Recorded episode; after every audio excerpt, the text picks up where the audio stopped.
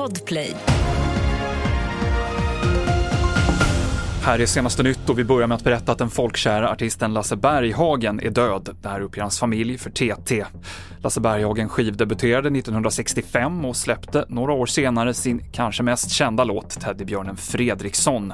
Han vann Melodifestivalen 1975 med Jenny Jenny och gjorde senare stor succé som programledare för Allsång på Skansen i tio års tid.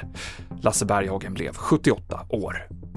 Det svenska flygbolaget BRA ansöker om företagsrekonstruktion, men enligt ett pressmeddelande så kommer det inte påverka resenärerna, utan flygandet ska fortsätta som vanligt.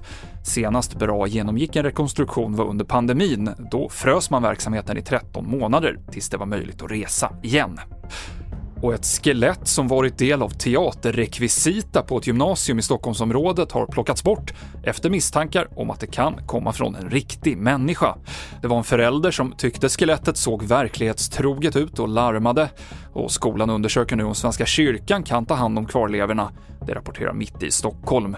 Det var många skolor som köpte in skelett under första halvan av 1900-talet för att använda i anatomiundervisningen. TV4-nyheterna med Mikael Klintevall.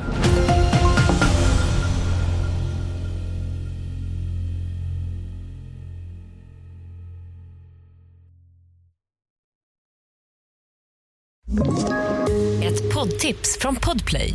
I fallen jag aldrig glömmer djupdyker Hasse Aro i arbetet bakom några av Sveriges mest uppseendeväckande brottsutredningar går vi in med hemlig telefonavlyssning och, och då upplever vi att vi får en total förändring av hans beteende. Vad är det som händer nu? Vem är det som läcker?